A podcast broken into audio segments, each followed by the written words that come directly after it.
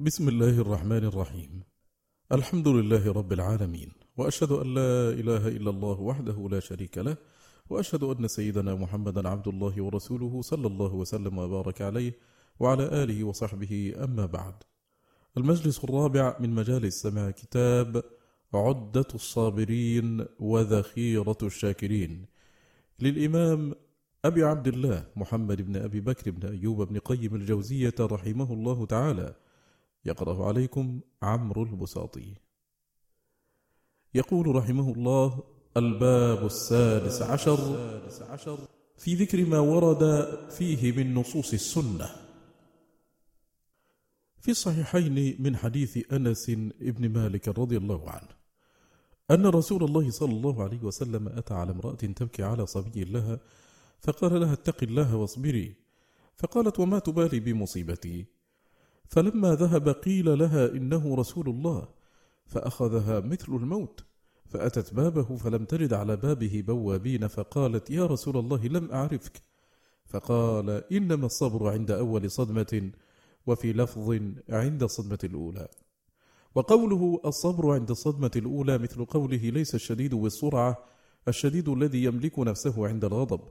فإن مفاجأة المصيبة بغتة لها روعة تزعزع القلب وتزعجه بصدمها.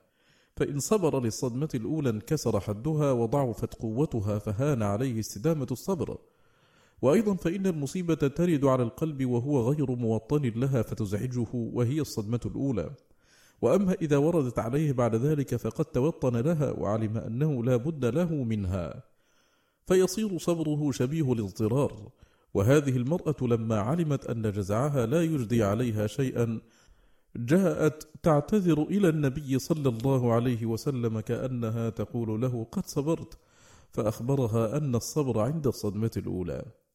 ويدل على هذا المعنى ما رواه سعيد بن زربي عن محمد بن سيرين عن أبي هريرة رضي الله عنه قال مر النبي صلى الله عليه وسلم بالبقيع على امرأة جاثمة على قبر تبكي فقال يا أمة الله اتق الله واصبري.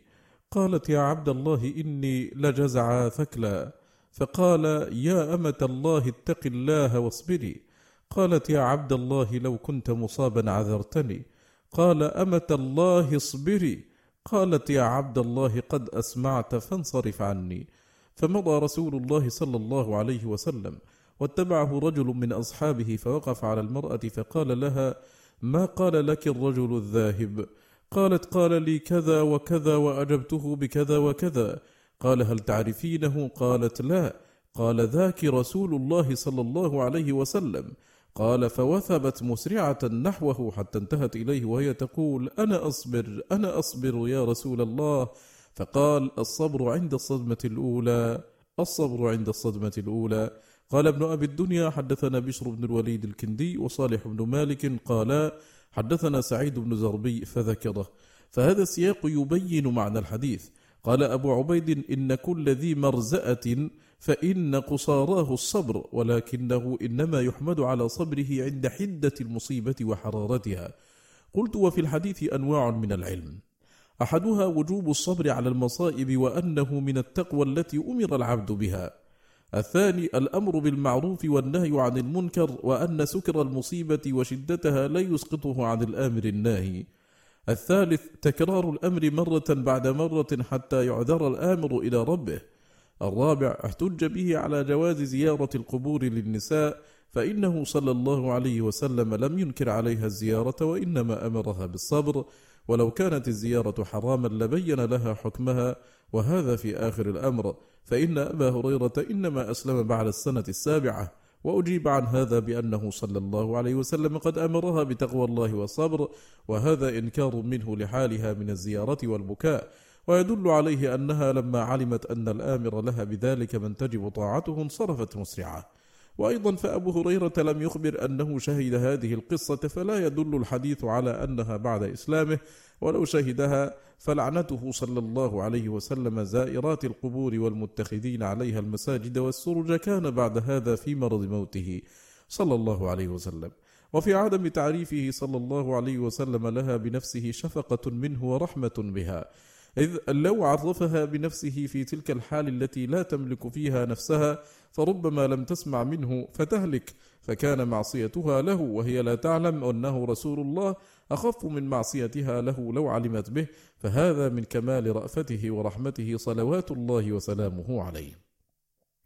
وفي صحيح مسلم عن أم سلمة قالت سمعت رسول الله صلى الله عليه وسلم يقول ما من مسلم تصيبه مصيبة فيقول ما أمره الله إنا لله وإنا إليه راجعون اللهم أجرني في مصيبتي واخلف لي خيرا منها إلا أخلف الله له خيرا منها.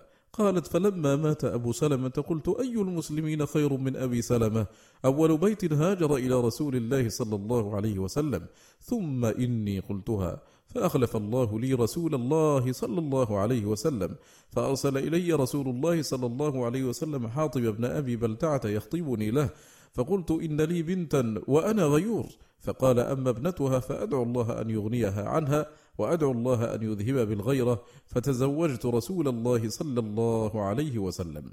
وعند أبي داود في هذا الحديث عنها قالت قال رسول الله صلى الله عليه وسلم إذا أصابت أحدكم مصيبة فليقل إنا لله وإنا إليه راجعون.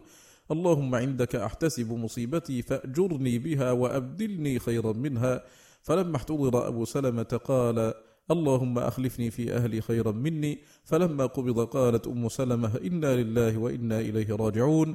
عند الله احتسبت مصيبتي فأجرني فيها.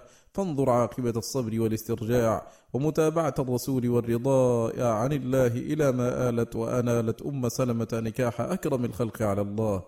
وفي جامع الترمذي ومسند الإمام أحمد وصحيح ابن حبان عن أبي موسى الأشعري رضي الله عنه قال قال رسول الله صلى الله عليه وسلم إذا مات ولد العبد قال الله لملائكته قبضتم ولد عبدي فيقولون نعم. فيقول قبضتم ثمرة فؤاده؟ فيقولون نعم. فيقول ماذا قال عبدي؟ فيقولون حمدك واسترجع. فيقول ابنوا لعبدي بيتا في الجنة وسموه بيت الحمد. وفي صحيح البخاري من حديث أنس أن رسول الله صلى الله عليه وسلم قال إذا ابتليت عبدي بحبيبتيه ثم صبر عوضته منهما الجنة يريد عينيه. وعند الترمذي في هذا الحديث إذا أخذت كريمتي عبدي في الدنيا لم يكن له جزاء عندي إلا الجنة. وفي الترمذي أيضا عن أبي هريرة رضي الله عنه قال قال رسول الله صلى الله عليه وسلم يقول الله عز وجل من أذهبت حبيبتيه فصبر واحتسب لم أرض له ثوابا دون الجنة. وفي سنن النسائي من حديث عبد الله بن عمرو رضي الله عنهما قال قال رسول الله صلى الله عليه وسلم إن الله لا يرضى لعبده إذا ذهب بصفيه من أهل الأرض فاحتسب بثواب دون الجنة. وفي صحيح البخاري من حديث أبي هريرة رضي الله عنه قال قال رسول الله صلى الله عليه وسلم يقول الله عز وجل ما لعبد المؤمن جزاء إذا قبضت سفيه من أهل الدنيا ثم احتسبه إلا الجنة. وفي صحيحه أيضا عن عطاء بن أبي رباح قال قال لي ابن عباس ألا أريك امرأة من أهل الجنة؟ قلت بلى. قال هذه المرأة السوداء وأتت النبي صلى الله عليه وسلم فقالت إني أسرع وأتكشف. فادعوا الله لي. قال إن شئت صبرت ولك الجنة وإن شئت دعوت الله أن يعافيك. قالت أصبر. فقالت إني أتكشف. فادعوا الله ألا أتكشف. وفي الموطأ من حديث عطاء بن يسار أن رسول الله صلى الله عليه وسلم قال إذا مرض العبد بعث الله إليه ملكين فقال انظرا ماذا يقول لعواده فإن هو إذا جاءوه حمد الله وأثنى عليه رفع ذلك إلى الله وهو أعلم فيقول لعبدي علي إن توفيته أن أدخله الجنة وإن أنا شفيته أن أبدله لحما خيرا من لحمه ودما خيرا من دمه وأن أكفر عنه سيئاته. وفي صحيفة عمرو بن شعيب عن أبيه عن جده رضي الله عنهم قال قال رسول الله صلى الله عليه وسلم إذا جمع الله الخلائق نادى مناد أين أهل الفضل؟ قال فيقوم ناس وهم يسير فينطلقون سراعا إلى الجنة فتلقاهم الملائكة فتقول إنا نراكم سراعا إلى الجنة فمن أنتم؟ فيقولون نحن أهل الفضل. فيقولون ماذا كان فضلكم؟ فيقولون كنا إذا ظلمنا صبرنا وإذا أسيء إلينا عفونا. وإذا جهل علينا حلمنا فيقال لهم ادخلوا الجنة فنعم أجر العاملين. وفي الصحيح أن رسول الله صلى الله عليه وسلم قسم مالا فقال بعض الناس هذه قسمة ما أريد بها وجه الله. فأخبر بذلك رسول الله صلى الله عليه وسلم فقال رحم الله أخي موسى قد أوذي بأكثر من هذا فصبر.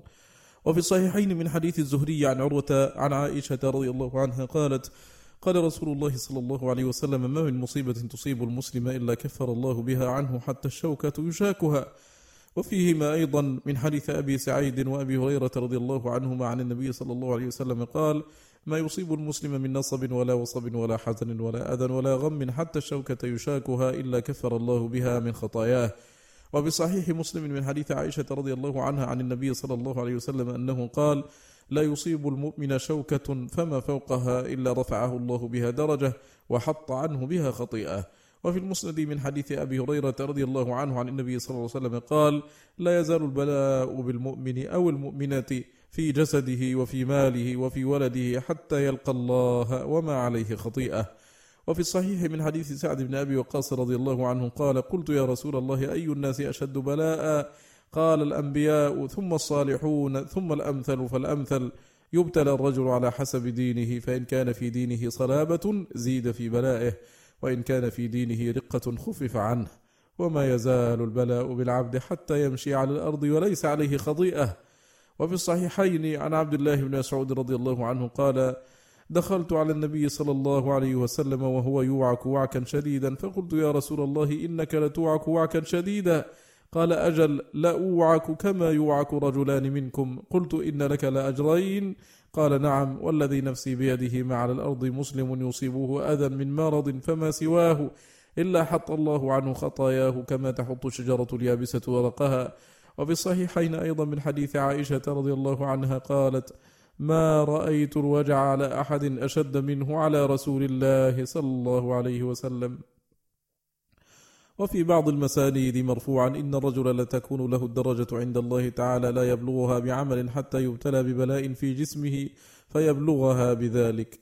ويروى عن عائشة رضي الله عنها عنه صلى الله عليه وسلم إذا اشتكى المؤمن أخلصه ذلك من الذنوب كما يخلص الكير الخبث من الحديد. وفي صحيح البخاري من حديث خباب بن الآرة رضي الله عنه قال شكونا إلى رسول الله صلى الله عليه وسلم وهو متوسد ببردة له في ظل الكعبة فقلنا ألا تستنصر لنا ألا تدعو لنا؟ فقال قد كان من قبلكم يؤخذ الرجل فيحفر له في الأرض فيجعل فيها ثم يؤتى بالمنشار فيوضع على رأسه فيجعل نصفين ويمشط بأمشاط الحديد ما دون لحمه وعظمه. ما يصده ذلك عن دينه. والله ليتمن الله هذا الأمر حتى يسير الراكب من صنعاء إلى حضر موت لا يخاف إلا الله والذئب على غنمه. وأنتم تستعجلون.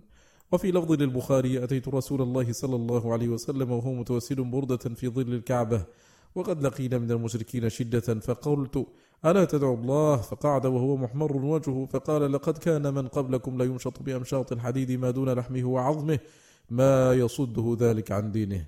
وقد حمل بعض أهل العلم قول خباب شكونا إلى رسول الله صلى الله عليه وسلم حر الرمضاء فلم يشكينا على هذا المحمل. وقال شكوا إليه حر الرمضاء الذي كان يصيب جباههم وأكفهم من تعذيب الكفار فلم يشكهم وإنما دلهم على الصبر. وهذا الوجه أنسو من تفسير من فسر ذلك بالسجود على الرمضاء واحتج به على وجوب مباشرة المصلي بالجبهة لثلاثة أوجه.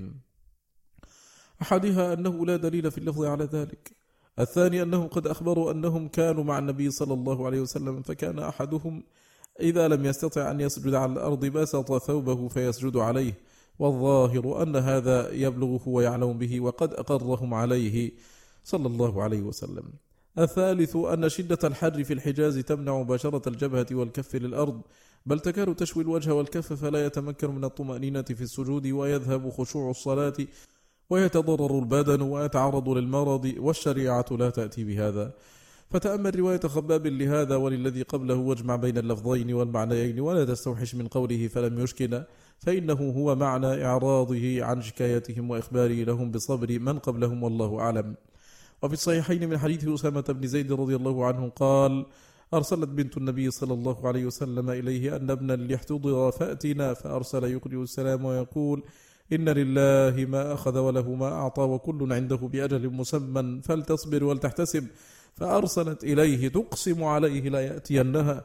فقام ومعه سعد بن عبادة ومعاذ بن جبل وأبي بن كعب وزيد بن ثابت ورجال.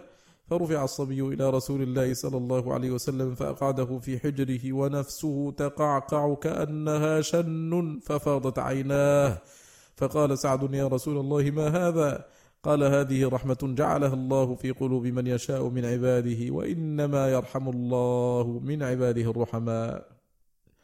وفي سورة النساء عن ابن عباس رضي الله عنهما قال احتضرت بنت لرسول الله صلى الله عليه وسلم صغيرة فأخذها رسول الله صلى الله عليه وسلم وضمها إلى صدره ثم وضع يده عليها وهي بين يدي رسول الله صلى الله عليه وسلم فبكت أم أيمن فقلت لها تبكين ورسول الله صلى الله عليه وسلم عندك؟ فقالت ما لي لا أبكي ورسول الله صلى الله عليه وسلم يبكي. فقال رسول الله صلى الله عليه وسلم إني لست أبكي ولكنها رحمة. ثم قال رسول الله صلى الله عليه وسلم المؤمن بخير على كل حال تنزع نفسه من بين جنبيه وهو يحمد الله عز وجل. وفي صحيح البخاري من حديث أنس قال اشتكى ابن لأبي طلحة فمات وأبو طلحة خارج فلما رأت امرأته أنه قد مات هيأت شيئا وسجته في جانب البيت فلما جاء أبو طلحة قال كيف الغلام؟ قالت قد هدأت نفسه وأرجو أن يكون قد استراح. فظن أبو طلحة أنها صادقة. قال فبات معها فلما أصبح اغتسل فلما أراد أن يخرج أعلمته أنه قد مات فصلى مع النبي صلى الله عليه وسلم ثم أخبره بما كان منهما.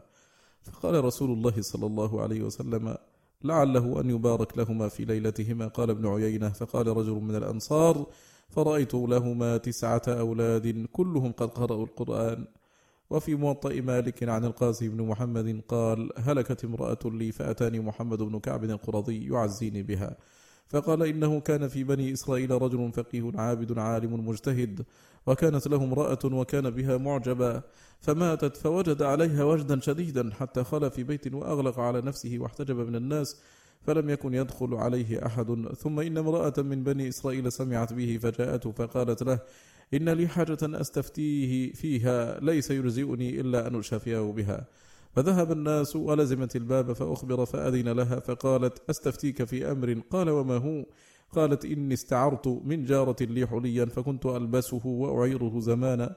ثم إنهم أرسلوا إلي فيه أفأرده إليهم؟ قال نعم والله. قالت إنه قد مكث عندي زمانا فقال ذلك أحق لردك إياه.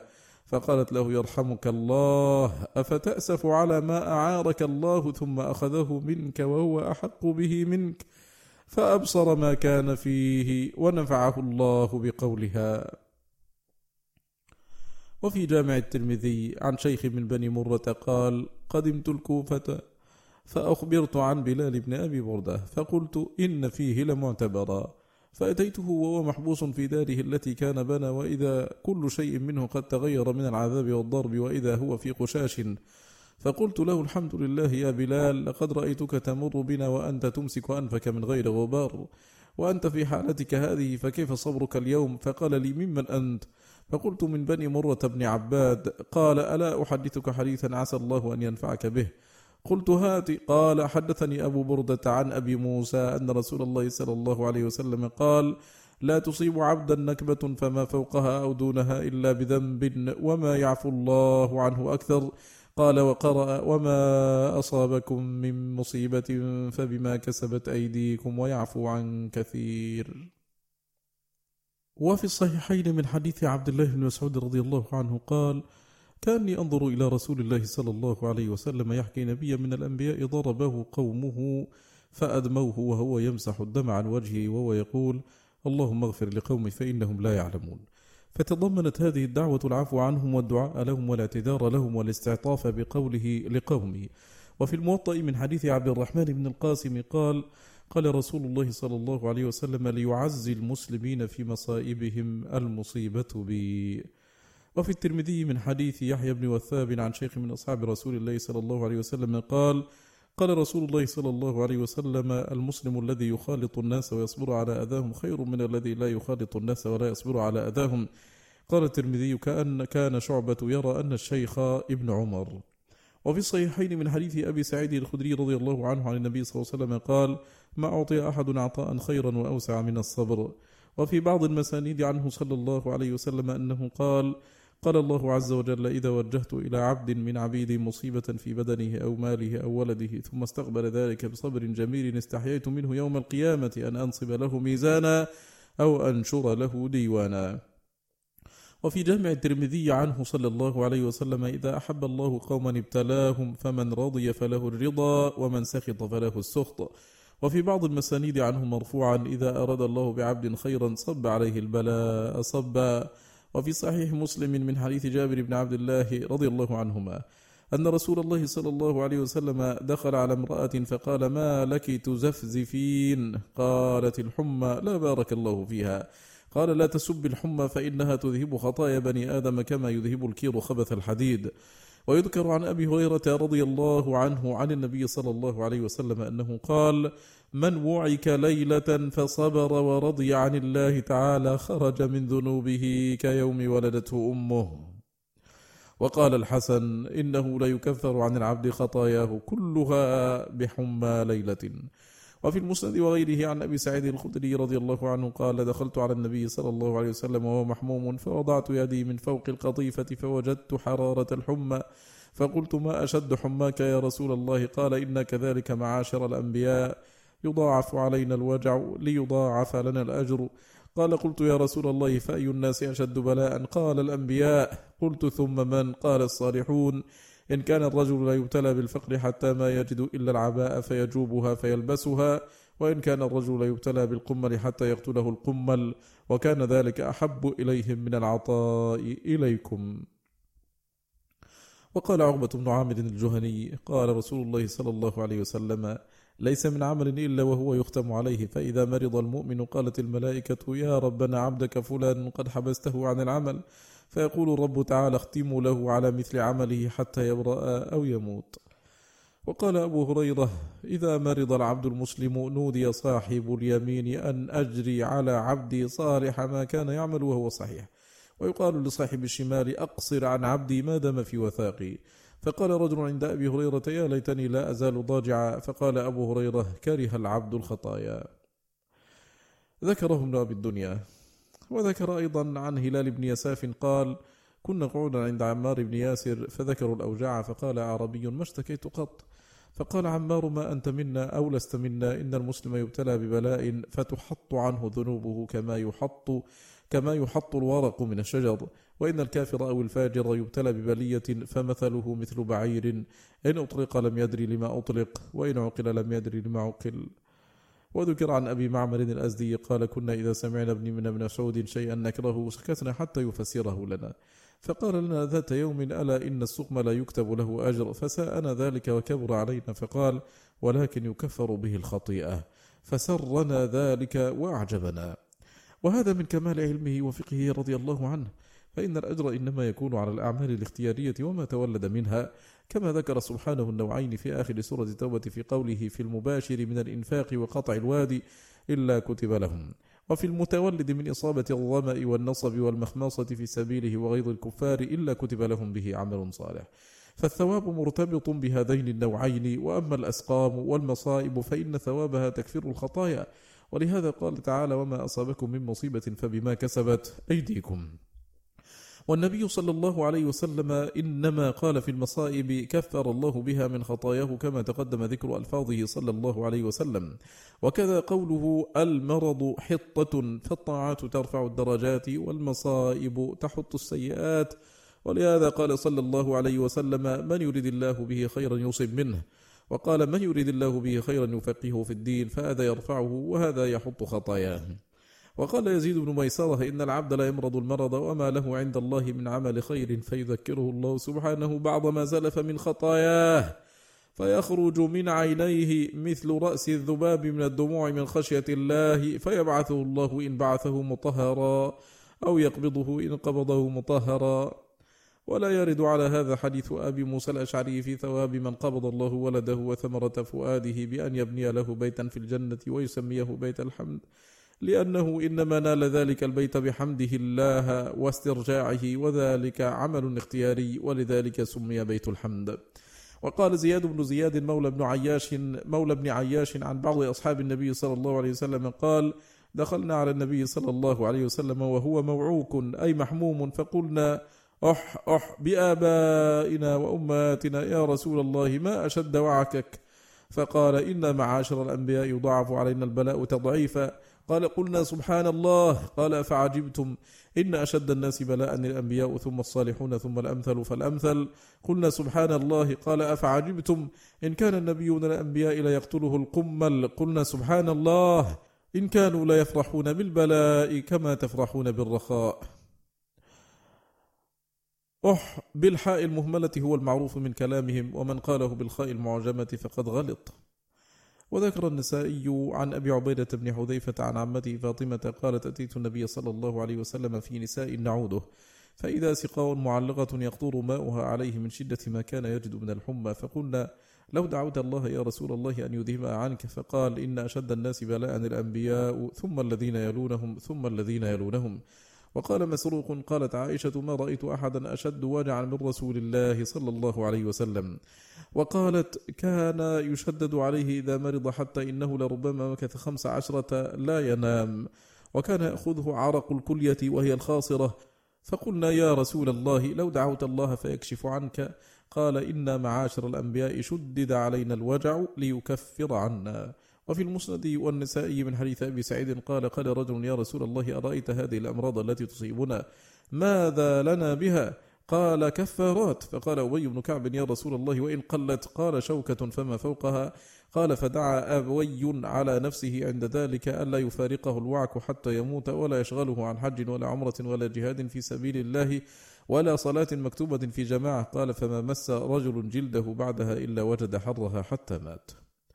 وقال عبد الله بن عمرو قال رسول الله صلى الله عليه وسلم إن العبد إذا كان على طريقة حسنة من العبادة ثم مرض قيل للملك الموكل به اكتب له مثل عمله إذا كان طلقا أو أكفته إليه يقال ناقة طلق بضم الطاء واللام إذا حل عقالها ويقال كفته إليه إذا ضمه إليه ذكره ابن أبي الدنيا.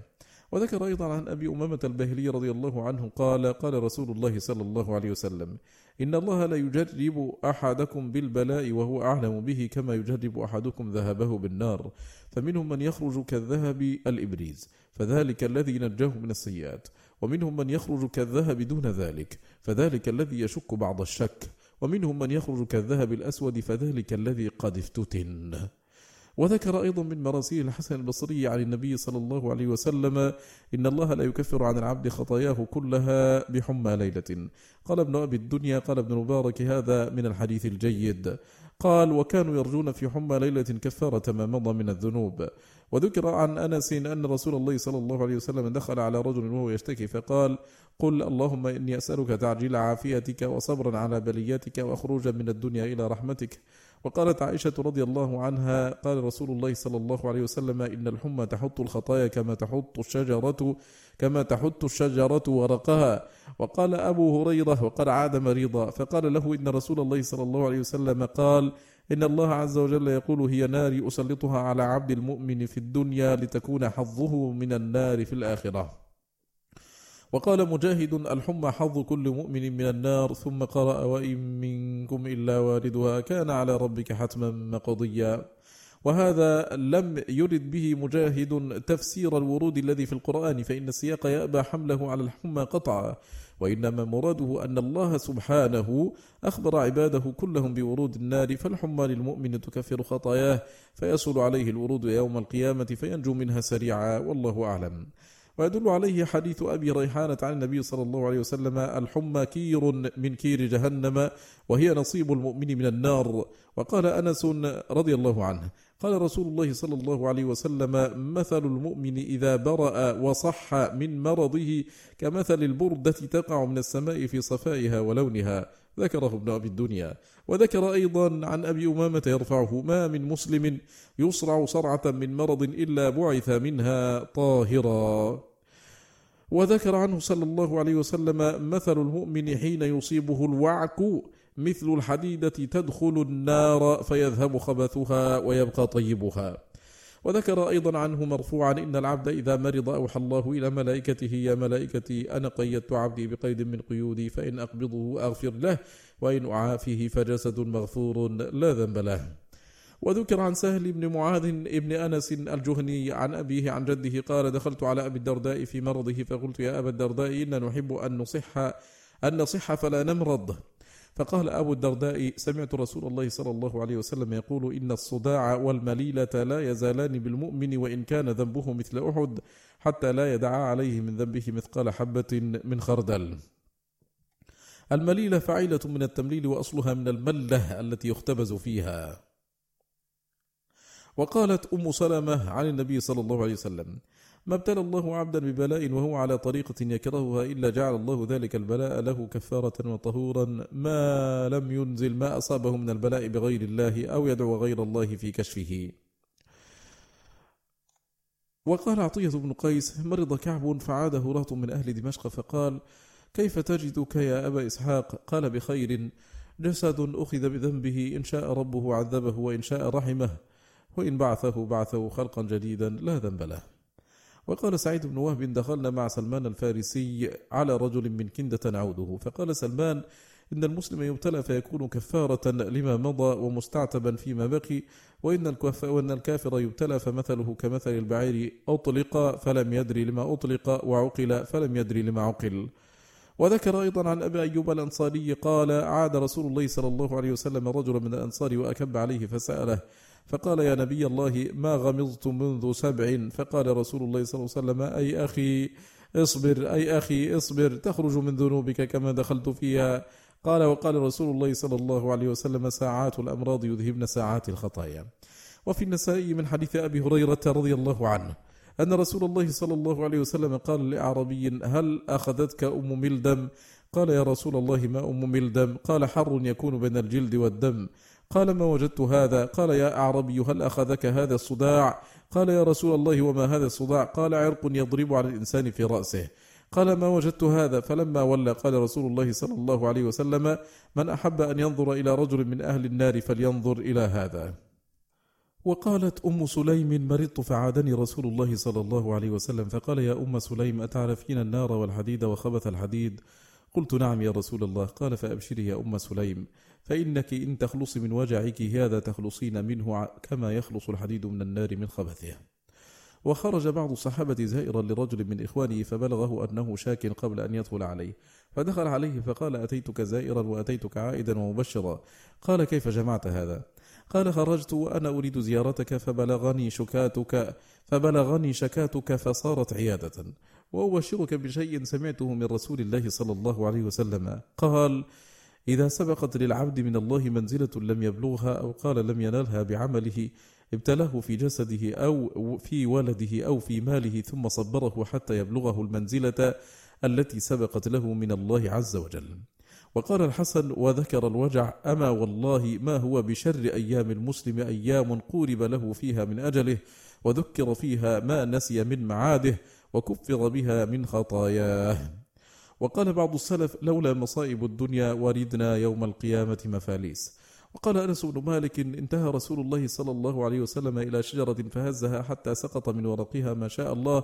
ثم قال المصائب والأوجاع في إحباط ذنوب أمتي أسرع مني في هذه الشجرة. وذكر ابن أبي الدنيا أيضا عن أبي هريرة رضي الله عنه يرفعه. ما من مسلم إلا وكل الله به ملكين من ملائكته لا يفارقانه حتى يقضي الله في أمره بإحدى الحسنيين. إما بموت وإما بحياة. فإذا قال له العواد كيف تجدك؟ قال أحمد الله أجدني والله المحمود بخير. قال له الملكان أبشر بدم هو خير من دمك وصحة هو خير هي خير من صحتك. وإن قال أجدني مجهودا في بلاء شديد. قال له الملكان أبشر بدم هو شر من دمك وبلاء هو أطول من بلائك. ولا يناقض هذا قول النبي صلى الله عليه وسلم ورأساه. وقول سعد يا رسول الله قد اشتد بي الوجع وأنا ذو مال وقول عائشة ورأساه. فإن هذا إنما قيل على وجه الإخبار لا على وجه شكوى الرب تعالى إلى العواد. فإذا حمد المريض الله ثم أخبر بعلته لم تكن شكوى. وإن أخبر بها تبرما وتسخطا كانت شكوى منه. فالكلمة الواحدة قد يثاب عليها وقد يعاقب بالنية والقصد. وقال ثابت البناني انطلقنا مع الحسن إلى صفوان بن محرز نعوده. فخرج إلينا ابنه وقال هو مبطون لا تستطيعون أن تدخلوا عليه. فقال الحسن إن أباك إن يؤخذ اليوم من لحمه ودمه فيؤجر فيه خير من أن يأكله التراب. وقال ثابت أيضا دخلنا على ربيعة بن الحارث نعوده وهو ثقيل. فقال إنه من كان في مثل حالتي هذه ملأت الآخرة قلبه وكانت الدنيا أصغر في عينيه من ذباب ويذكر عن أنس عن النبي صلى الله عليه وسلم قال إذا مرض العبد ثلاثة أيام خرج من ذنوبه كيوم ولدته أمه. ويذكر عنه صلى الله عليه وسلم لا ترد دعوة المريض حتى يبرأ. وذكر ابن أبي الدنيا عن ابن مسعود رضي الله عنه قال كنت مع رسول الله صلى الله عليه وسلم جالسا فتبسم. فقلنا يا رسول الله مما تبسمت؟ قال تعجبا للمؤمن من جزعه من السقم. ولو كان يعلم ما له في السقم أحب أن يكون سقيما حتى يلقى الله. ثم تبسم ثانية ورفع رأسه إلى السماء فقلنا يا رسول الله مما تبسمت؟ ورفعت رأسك إلى السماء. قال عجبت من ملكين نزلا من السماء يلتمسان عبدا مؤمنا كان في مصلاه يصلي فلم يجده. فعرج إلى الله عز وجل. فقال يا رب عبدك فلان المؤمن كنا نكتب له من العمل في يوم وليلة كذا وكذا فوجدناه قد حبسته في حبالك. فوجدناه قد حبسته في حبالك فلم نكتب له شيئا من عمله فقال اكتبوا لعبد عمله الذي كان في يومه وليلته ولا تنقصوا منه منه شيئا فعلي فعلي أجر ما أحبسته وله أجر ما كان يعمل. ويذكر عنه صلى الله عليه وسلم من وعك ليلة فصبر ورضي بها عن الله عز وجل خرج من ذنوبه كهيئته يوم ولدته أمه ومن مراسيل يحيى بن أبي كثير قال فقد رسول الله صلى الله عليه وسلم سلمان فسأل عنه فأخبر أنه عليل فأتاه يعوده فقال شفى الله سقمك وعظم أجرك وغفر ذنبك ورزقك العافية في دينك وجسمك إلى منتهى أجلك. إن لك من وجعك خلالا ثلاثة أما واحدة فتذكرة من ربك يذكرك بها وأما الثانية فتمحيص لما سلف من ذنوبك وأما الثالثة فادع بما شئت فإن المبتلى مجاب الدعوة. فإن المبتلى مجاب الدعوة. وقال زياد بن الربيع قلت لأوي بن كعب آية في كتاب الله قد أحزنتني. قال ما هي؟ قلت من يعمل سوءا يجزى به؟ قال ما كنت أراك إلا أفقه مما أرى. إن المؤمن لا تصيبه عثرة قدم ولا اختلاج عرق إلا بذنب وما يعفو الله عنه أكثر. وسئلت عائشة رضي الله عنها عن هذه الآية فقالت ما سألني عنها أحد منذ سألت رسول الله صلى الله عليه وسلم. فقال النبي صلى الله عليه وسلم يا عائشة هذه معاتبة الله تعالى العبد بما يصيبه من الحمى والنكبة والشوكة وانقطاع شسعه. حتى البضاعة يضعها في كمه فيفقدها فيفزع لها فيجدها في ضبنه. حتى إن المؤمن لا يخرج من ذنوبه كما يخرج الذهب الأحمر من الكير. ضمن الإنسان تحت يده يقال اضطبن كذا إذا حمله تحت يده. وقال وهب منبه لا يكون الرجل فقيها كامل الفقه حتى يعد البلاء نعمة ويعد الرخاء مصيبة. وذلك أن صاحب البلاء ينتظر الرخاء وصاحب الرخاء ينتظر البلاء. وفي بعض كتب الله سبحانه إن الله ليصيب العبد بالأمر يكرهه وإنه ليحبه لينظر كيف تضرعه إليه. وقال كعب أجد في التوراة لولا أن يحزن عبد المؤمن لعصبت الكافر بعصابة من حديد لا يصدع أبدا. وقال معروف الكرخي إن الله لا يبتلي عبده المؤمن بالأسقام والأوجاع فيشكو إلى أصحابه. فيقول الله تبارك وتعالى وعزتي وجلالي ما ابتليتك بهذه الأوجاع والأسقام إلا لأغسلك من الذنوب فلا تشكين. وذكر ابن أبي الدنيا أن رجلا قال يا رسول الله ما الأسقام؟ قال أو ما سقمت قط قال لا قال فقم عنا فلست منا. وكان بعض أصحاب عبد الله بن مسعود قد اشتدت به العلة فدخل عليه بعض أصحابه يعودونه وأهله تقول له نفسي فداك ما نطعمك ما نسقيك؟ فأجابها بصوت ضعيف بليت الحراقيف وطالت الضجعة والله ما يسرني أن الله نقصني منه قلامة ظفر. وطلق خالد بن الوليد رضي الله عنه امرأة له ثم أحسن عليها الثناء. فقلت له يا أبا سليمان لأي شيء طلقتها؟ قال ما طلقتها لأمر رابني منها ولا سأني ولكن لم يصبها عندي بلاء. ويذكر عنه صلى الله عليه وسلم ما ضرب على مؤمن عرق إلا كتب الله له به حسنة وحط عنه به سيئة ورفع له به درجة. ولا ينافي هذا ما قدمناه من أن المصائب مكفرات لا غير لأن حصول الحسنة إنما هو بصبره الاختياري عليها وهو عمل منه. وعاد رجل من المهاجرين مريضا فقال إن للمريض أربعة يرفع عنه القلم ويكتب له من الأجر مثل ما كان يعمل في صحته ويتبع المرض كل خطيئة في مفصل من مفاصله فيستخرجها فإن عاش عاش مغفورا له وإن مات مات مغفورا له. فقال المريض اللهم لا أزال مضطجعا. وفي المسند عنه صلى الله عليه وسلم والذي نفسي بيده لا يقضي الله للمؤمن من قضاء إلا كان خيرا له. إن أصابته سراء شكر فكان خيرا له وإن أصابته ضراء صبر فكان خيرا له وليس ذلك إلا للمؤمن. وفي لفظ إن أمر المؤمن كله عجب. إن أصابته سراء شكر فكان خيرا له وإن أصابته ضراء صبر فكان خيرا له. الباب السابع عشر. في الآثار الواردة عن الصحابة ومن بعدهم في فضيلة الصبر. قال الإمام أحمد حدثنا وكيع عن مالك بن مغول عن أبي السفر قال مرض أبو بكر رضي الله عنه فعادوه فقالوا ألا ندعو لك الطبيب؟ فقال قد رآني الطبيب. قالوا فأي شيء قال لك؟ قال إني فعال لما أريد. وقال أحمد حدثنا أبو معاوية حدثنا الأعمش عن مجاهد قال قال عمر بن الخطاب وجدنا خير عيشنا بالصبر. وقال أيضا أفضل عيش أدركناه بالصبر ولو أن الصبر كان من الرجال كان كريما.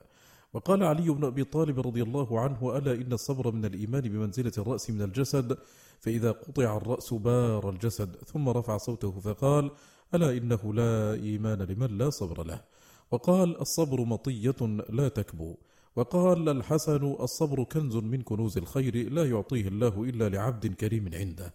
وقال عمر بن عبد العزيز ما أنعم الله على عبد نعمة فانتزعها منه فعاضه مكانها الصبر إلا كان ما عوضه خيرا مما انتزعه منه. وقال ميمون بن مهران ما نال أحد شيئا من جسيم الخير نبي فما دونه إلا بالصبر. وقال سليمان بن القاسم كل عمل يعرف ثوابه إلا الصبر.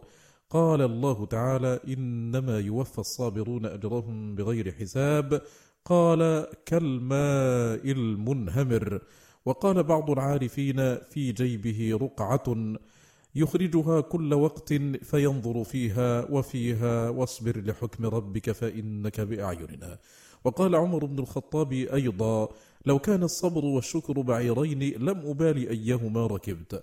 وكان محمد بن شبرمة إذا نزل به بلاء قال سحابة ثم تنقشع.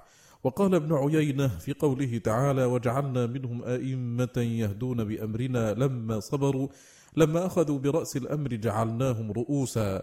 وقيل للأحنف بن قيس ما الحلم؟ قال أن تصبر على ما تكره قليلا. وقال وهب مكتوب في التوراة قصر السفه النصب وقصر الحلم الراحة وقصر الصبر الظفر. قصر الشيء وقصاراه غايته وثمرته. وقدم عروة بن الزبير على الوليد بن عبد الملك. ومعه ابنه محمد وكان من أحسن الناس وجها. فدخل يوما على الوليد في ثياب وشي وله غديرتان وهو يضرب بيده.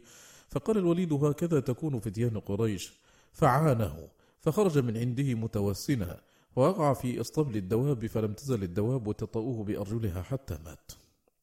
ثم إن الأكلة وقعت في رجل عروة فبعث إليه الوليد الأطباء فقالوا له إن لم تقطعها سارت إلى باقي الجسد فتهلك فعزم على قطعها فنشروها بالمنشار فلما صار المنشار إلى القصبة وضع رأسه على الوسادة فغشي عليه ثم أفاق والعرق يتحدر على وجهه وهو يهلل ويكبر فأخذها بيده وجعل يقلبها في يده ثم قال أما والذي حملني عليك إنه ليعلم أني ما مشيت بها إلى حرام ولا إلى معصية ولا إلى ما لا يرضي الله. ثم أمر بها فغسلت وطيبت وكفنت في قبطية ثم بعث بها إلى مقابر المسلمين. فلما قدم من عند الوليد المدينة تلقاه أهل بيته وأصدقاؤه يعزونه فجعل يقول لقد لقينا من سفرنا هذا نصبا ولم يزد عليه ثم قال لا أدخل المدينة. إنما أنا بين شامت بنكبة أو حاسد لنعمة. فمضى إلى قصره بالعقيق فأقام هناك فلما دخل قصره قال له عيسى بن طلحة لا أبا لشانيك أرنا هذه المصيبة التي نعزيك عنها؟ فكشف له عن ركبته فقال له عيسى أما والله ما كنا نعدك للصراع قد أبقى الله أكثرك عقلك ولسانك وسمعك وبصرك ويديك وإحدى رجليك. فقال له يا عيسى ما عزاني أحد بمثل ما عزيتني؟ ولما أرادوا قطع رجله قالوا له لو سقيناك شيئا كي لا تشعر بالوجع؟ فقال إنما ابتلاني ليرى صبري أفأعارض أمره؟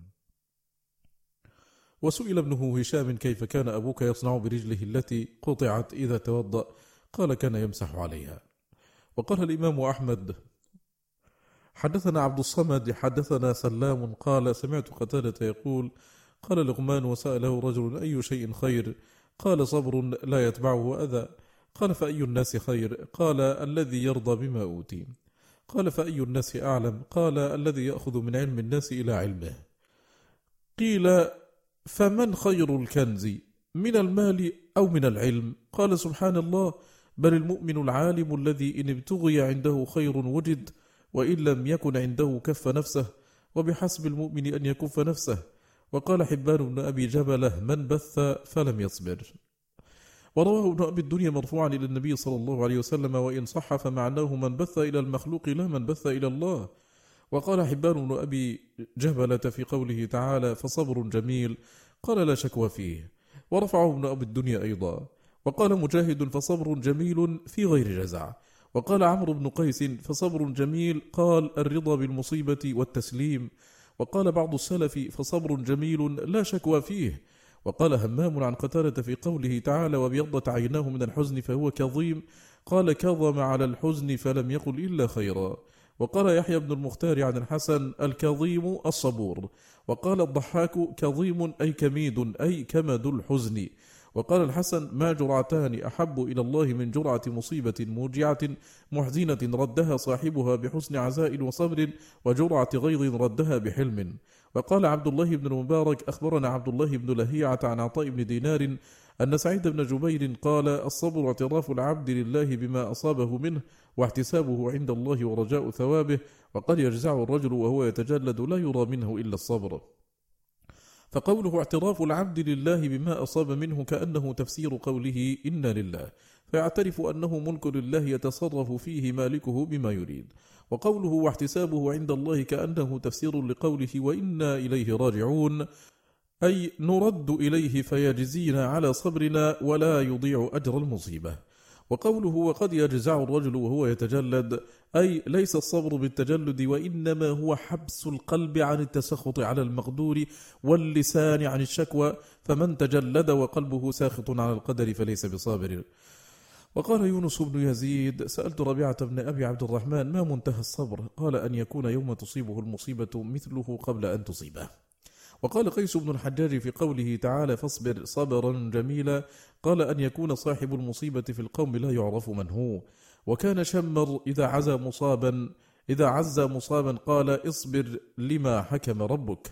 وقال أبو عقيل رأيت سالم بن عبد الله بن عمر بيده سوط وعليه إزار في موت واقد بن عبد الله بن عمر.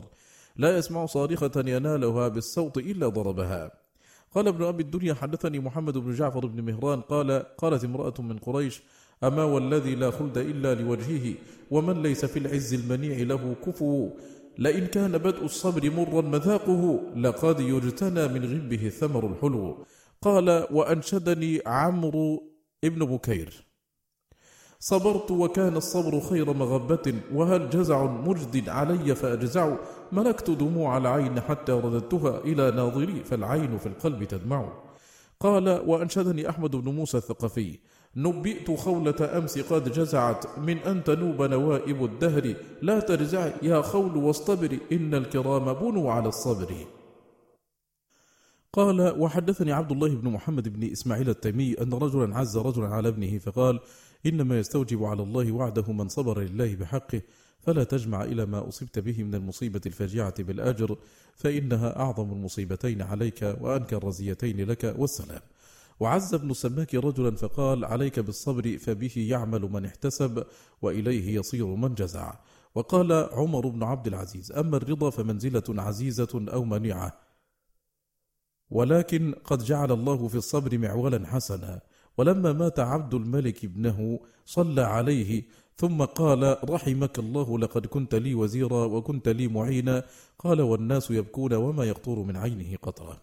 وأصيب مطرف بن عبد الله بابن له فأتاه قوم يعزونه فخرج إليهم أحسن ما كان بشرا ثم قال إني لأستحيي من الله أن أتضعضع لمصيبته. وقال عمرو بن دينار قال عبيد بن عمير ليس الجزع أن تدمع العين ويحزن القلب ويحزن القلب ولكن الجزع القول السيء والظن السيء. وقال ابن أبي الدنيا حدثني الحسن بن عبد العزيز الجراوي قال مات ابن لي نفيس فقلت لأمه اتق الله واحتسبيه. فقالت مصيبتي أعظم من أن أفسدها بالجزع. وقال ابن أبي الدنيا وأخبرني عمرو بن بكير عن شيخ من قريش قال مات الحسن بن الحسين أبو عويد الله بن الحسن وعبيد الله يومئذ قاض على البصرة وأمير فكثر من يعزيه فتذاكروا ما يتبين به جزع الرجل من صبره فأجمعوا أنه إذا ترك شيئا مما كان يصنعه فقد جزع وقال خالد بن أبي عثمان القرشي كان سعيد بن جبير يعزيني على ابني. فرآني أطوف بالبيت متقنعا فكشف القناع عن رأسي وقال الإستكانة من الجزع. فصل. فصل. وأما قول كثير من الفقهاء من أصحابنا وغيرهم لا بأس أن يجعل المصاب على رأسه ثوبا يعرف به. قالوا لأن التعزية سنة وفي ذلك تيسير لمعرفته حتى يعزى ففيه نظر. وأنكره شيخنا. ولا ريب أن السلف لم يكونوا يفعلون شيئا من ذلك ولا نقل هذا عن أحد من الصحابة والتابعين. والآثار المتقدمة كلها صريحة في رد هذا القول. وقد كره إسحاق بن راهوي أن يترك لبس ما عادته لبسه وقال هو من التسلب. وبالجملة فعادتهم أنهم لم يكونوا يغيرون شيئا من زيهم قبل المصيبة ولا يتركون ما كانوا يعملونه فهذا كله مناف للصبر والله أعلم. إلى هنا ينتهي مجلسنا هذا. على خير بإذن الله نلقاكم في مجلس آخر. وصلى الله وسلم وبارك على سيدنا محمد وآله وصحبه. والسلام عليكم ورحمة الله تعالى وبركاته.